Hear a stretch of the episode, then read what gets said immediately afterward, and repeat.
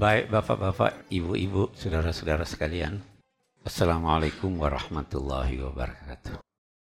Alhamdulillah, wassalatu wassalamu ala rasulillah wa ala ahlihi wa ashabihi wa man wala. Bersyukur kita bisa bertemu lagi. Uh, malam ini hidangan kita istimewa. Nah, baik hidangan lahir yang disiapkan dan eh, hidangan rohani kita juga saya harap sangat istimewa. Karena malam ini saya akan berbicara atau melanjutkan pembicaraan kita yang lalu tentang sholat. Kita akan bicara tentang sholat. uh, saya pernah berkata, uraian tentang sholat itu menimbulkan pertanyaan. Apa masih perlu? Tapi masih perlu kita bicara soal sholat. Padahal sholat itu adalah sesuatu yang diistilahkan oleh ulama-ulama ma'lumun minad dini bid Itu kewajibannya suatu aksioma buat umat Islam. Tidak ada yang tidak tahu bahwa salat itu wajib. Kita sejak kecil, boleh jadi ada cucu saya umur setahun itu sudah ikut salat. Jadi rasanya kalau melihat kenyataan ini kita tidak perlu lagi bicara soal salat. Tetapi kenyataannya bukan saja banyak di antara yang mengaku Islam yang bolong-bolong salatnya kalau enggan berkata tidak salat. Tetapi banyak yang salat, salatnya salah. Banyak itu. Kalau kita meninjau sisi pertama tidak perlu kita jelaskan salat. Semua udah tahu kok. Tapi kalau kita melihat kenyataan dalam lapangan bagaimana umat Islam menyangkut sholat dan bagaimana bentuk sholatnya, kita merasa ini perlu untuk kita bicara. Uh, itu ada ungkapan yang mirip dengan ini oleh Sayyidina Ali. Beliau berkata, saya tidak pernah melihat sesuatu yang hak tapi dianggap batil seperti halnya kematian itu hak, tapi dianggap gak ada itu. Beliau berkata kalau kita antar orang pergi eh, ke kubur, jarang di antara kita sadar bahwa satu waktu kita juga akan diantar. Atau bisa jadi hanya seperti mengantar orang musafir sebentar lagi akan kembali. Tidak ada sesuatu yang pasti, tapi dianggap tidak pasti seperti kematian tidak ada juga sesuatu yang batil istilahnya, akan lenyap, tetapi dianggap akan langgeng seperti dunia. Itu. Nah ini sholat begitu. Nah, baik kita bicara soal sholat. Banyak di antara pakar-pakar Islam yang enggan menamai sholat itu sembahyang. Karena itu tidak menggambarkan salat yang dikehendaki oleh umat Islam. Memang Al-Quran, bahkan ulama-ulama kita itu sangat teliti di dalam penamaan sesuatu. Sangat teliti. Dulu saya pernah beri contoh, ulama-ulama kita itu tidak mau berkata Tuhan ada. Keberadaan Tuhan itu tidak dipakai. Karena ada mengesankan tempat ada, ada di mana? Yang mereka gunakan wujud Tuhan. Eh, pakar-pakar kita enggan menggunakan kata agama. Karena dalam bahasa aslinya, bahasa Sanskerta, ada yang dinamai agama. Di Bali itu ada agama, ada igama, ada ugama. Masing-masing punya aspek. Sedangkan Islam itu menyatu hubungan dengan Tuhan, hubungan dengan sesama manusia, hubungan dengan pemerintah. Jadi mereka enggan menggunakan kata agama. Dia bilang tidak, kita namai din. Din itu adalah hubungan antara dua pihak yang satu lebih tinggi dari yang ini. Nah, begitu juga sembahyang, salat. Salat ini dalam bahasa berarti permohonan dari yang rendah kepada yang tinggi. Kalau permintaan dari yang tinggi kepada yang rendah itu namanya amr, perintah. Perintah itu dari yang tinggi kepada yang rendah. Kalau permintaan antara yang selevel itu dalam bahasa Al-Quran dinamai iltimas.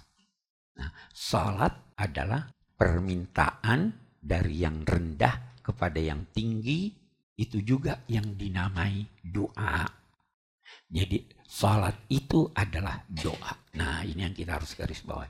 Doa, permohonan manusia selama sifat-sifatnya seperti apa yang dikenal sejak dulu sampai sekarang itu tidak bisa melepaskan diri dari salat. Kata William James itu seorang filosof psikolog Amerika. Anda bisa masuk di suatu wilayah. Anda tidak menemukan bioskop, tidak menemukan pasar, tidak menemukan eh, tempat hiburan, tetapi tidak mungkin masuk di suatu wilayah Anda tidak menemukan tempat untuk berdoa. Tidak ada itu. Sampai sekarang ada wilayah-wilayah yang tidak ada bioskopnya. Kalau ke KUM itu tidak ada bioskop. Kenapa begitu? Dia jawab, karena manusia siapa pun pasti pernah mengharap, mengharap memperoleh sesuatu, atau takut dari sesuatu. Tidak ada orang yang tidak pernah mengharap, tidak pernah takut. Kalau sekarang tidak, besok. Hidup ini tidak jarang diliputi oleh ketidakpastian. Kalau tenang waktu muda, itu menghadapi tua sudah mulai takut cemas. Karena manusia memiliki rasa cemas dan mengharap. Dan terbukti dalam perjalanan hidupnya, tidak semua kecemasannya atau harapannya dapat dipenuhi oleh pihak lain, maka ketika itu dia ke atas.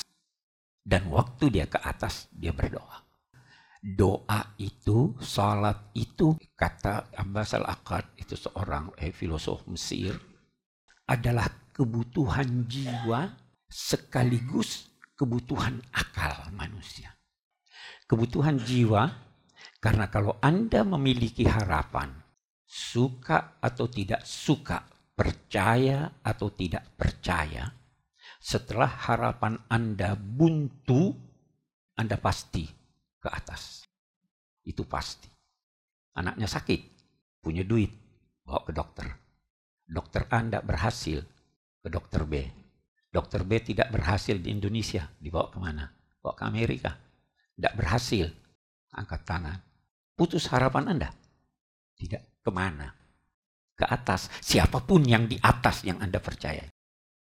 Itu sebabnya eh, pernah ada sahabat Nabi baru masuk Islam nawar dia, saya masuk deh, ndak usah deh saya bayar zakat, ndak usah deh saya puasa. Nabi terdiam. Terus dia bilang, ndak usah salat. Terus Nabi berkata apa? La khaira fi dinin la salata lahu. Tidak ada baiknya satu agama yang tidak ada salatnya. Harus ada salat. Karena itu kebutuhan jiwa. Nah, eh, Abbas al-Aqad menambahkan, itu kebutuhan akal Bagaimana dia menjadi kebutuhan akal?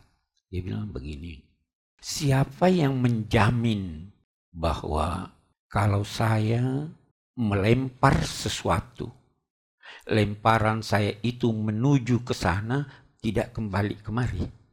Siapa yang jamin itu? Siapa yang menjamin bahwa air itu selalu mencari tempat yang rendah? Siapa tahu dia cari tempat yang tinggi. Dia katakan yang bisa menjamin itu adalah percaya bahwa hanya satu penguasa. Kalau ada dua Tuhan, ini air biar di sini sekarang. Yang satu yang enggak. Kita membutuhkan kepastian menyangkut hukum-hukum alam. Tanpa kepastian itu bingung.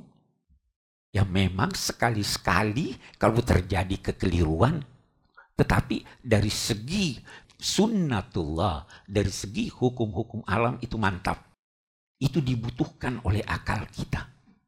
Dan salat menghadap kepada Tuhan, meyakini wujudnya, meyakini dia sebagai pengatur alam raya satu-satunya, itu dibutuhkan oleh akal kita dan kebutuhan akal itulah yang dicerminkan oleh salat.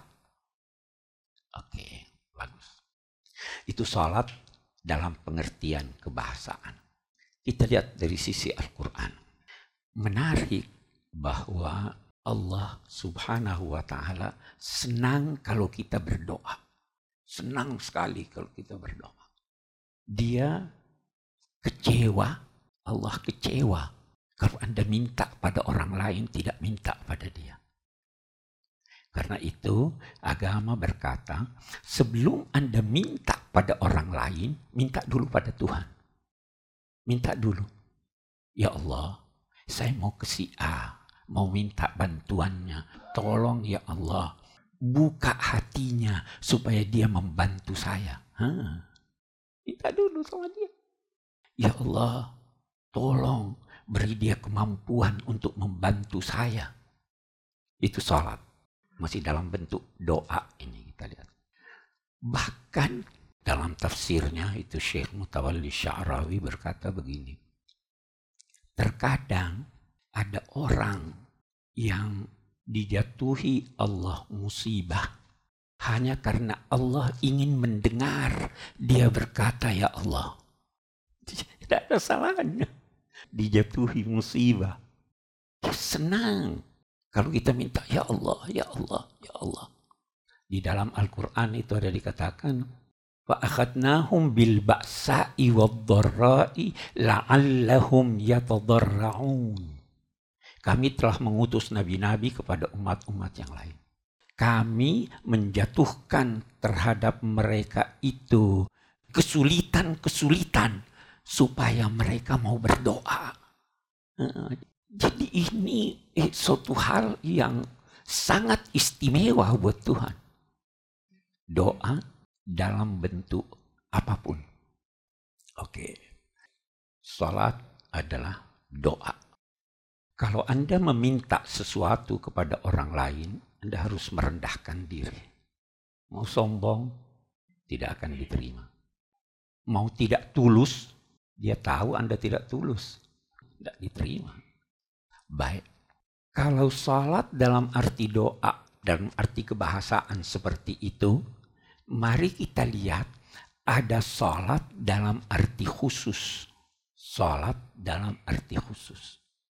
Salat dalam arti khusus itu didefinisikan oleh ulama-ulama dengan ucapan-ucapan dan perbuatan-perbuatan tertentu yang dimulai dengan takbir dan diakhiri dengan salam. Itu salat. Perbuatan-perbuatan tertentu ada bentuknya. Itu dimulai takbiratul ihram Allahu Akbar dan diakhiri dengan salam Assalamualaikum. Ulama-ulama madhab syafi'i mendefinisikannya seperti itu karena itu dalam madhab syafi'i salah satu rukun salat adalah salam. Sehingga kalau Anda batal wudhunya sebelum salam tidak sah salatnya. Tapi kalau mazhab Abu Hanifah itu salam tidak wajib. Jadi begitu Anda selesai tasyahud, syahadu an la ilaha illallah wa syahadu anna Muhammad Rasulullah, salawat sudah selesai, batal wudhu sah. Tapi kita berkata dimulai dengan takbir, diakhiri dengan salam. Oke. Mari kita lihat. Kalau kita mengamati perintah Allah menyangkut salat, kita menemukan secara umum ada dua istilah kalau kita perhatikan perintah sholat. Ada yang dimulai dengan kata akimu, akimus sholat. Ada yang tidak dimulai dengan akimu. Kita baca misalnya, akimus sholat itu banyak sekali. Kita baca Wasalli alaihim inna salataka sakanun lahum. Wahai Nabi Muhammad, salatlah buat mereka. Salat di sini bukan dalam arti yang khusus itu. Berdoalah buat mereka.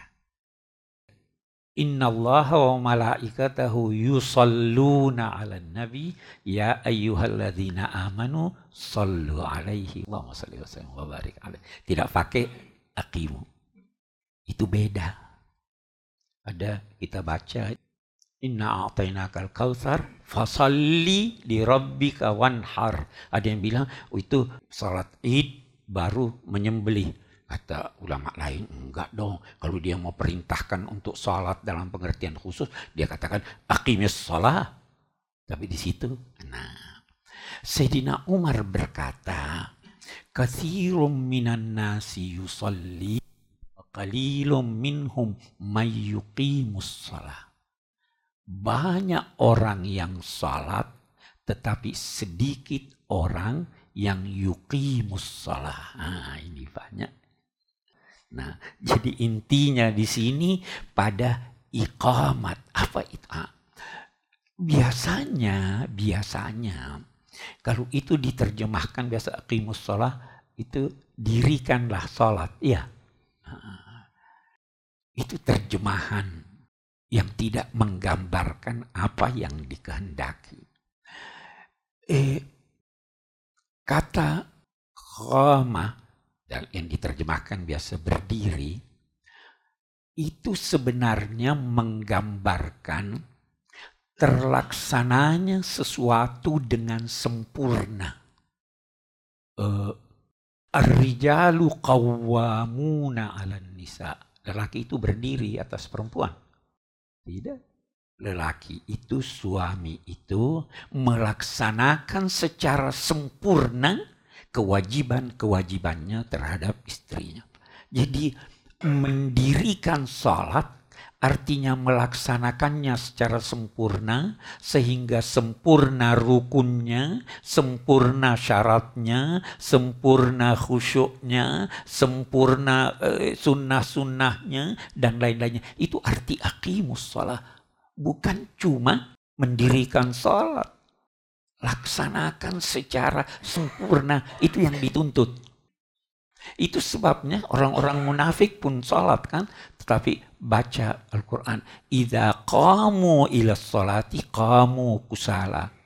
dia berdiri juga tetapi berdirinya secara bermalas-malasan. Wailun, dia tidak katakan wailun lil muqimina salah. Tapi wailun lil musalli. Banyak yang salat tapi celaka. Karena dia tidak yukim salat. Baik.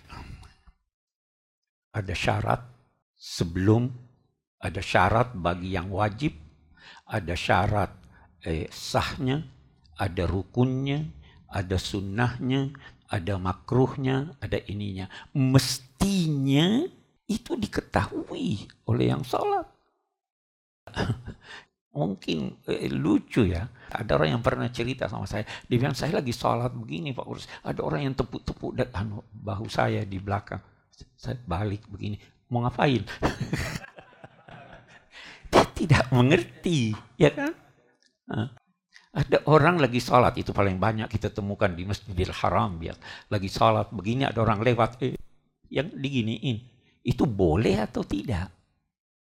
Itu sebenarnya boleh asal jangan. Ini jadi banyak hal-hal yang dibenarkan tetapi kita anggap tidak boleh. Banyak juga hal-hal yang tidak boleh tapi kita benarkan. Karena pengetahuan kita tentang sholat itu belum sempurna. Yang rukun pun tidak jarang. Saya biasa lihat itu banyak orang. Seandainya dia tahu dia tidak akan melakukan itu. Satu contoh deh dari sekian banyak contoh. Itu sujud. Ambil sujud ini yang paling banyak kita lihat. Nabi bersabda, Umir tuan asjuda bisa bati azum. Saya disuruh sujud dengan tujuh tulang. Tujuh itu apa? Kaki, jari-jari kaki, lutut, tangan dua, dahi. Sering kali saya lihat orang salat itu sujud satu kakinya terangkat. Tidak menyentuh ini. Tidak sah. Karena tidak tahu. Ah, ada lagi yang ketat sekali. Menghadap kiblat. Kita semua tahu menghadap kiblat. Tapi ada yang sampai, waduh. Iya kan? Ada yang ditoleransi selama kita sudah berusaha untuk mencari mana yang paling benar, lalu kita laksanakan. Jadi, eh, apa yang saya ingin katakan, eh, banyak amalan-amalan kita dalam sholat yang perlu kita ulang untuk lihat ini udah benar atau tidak.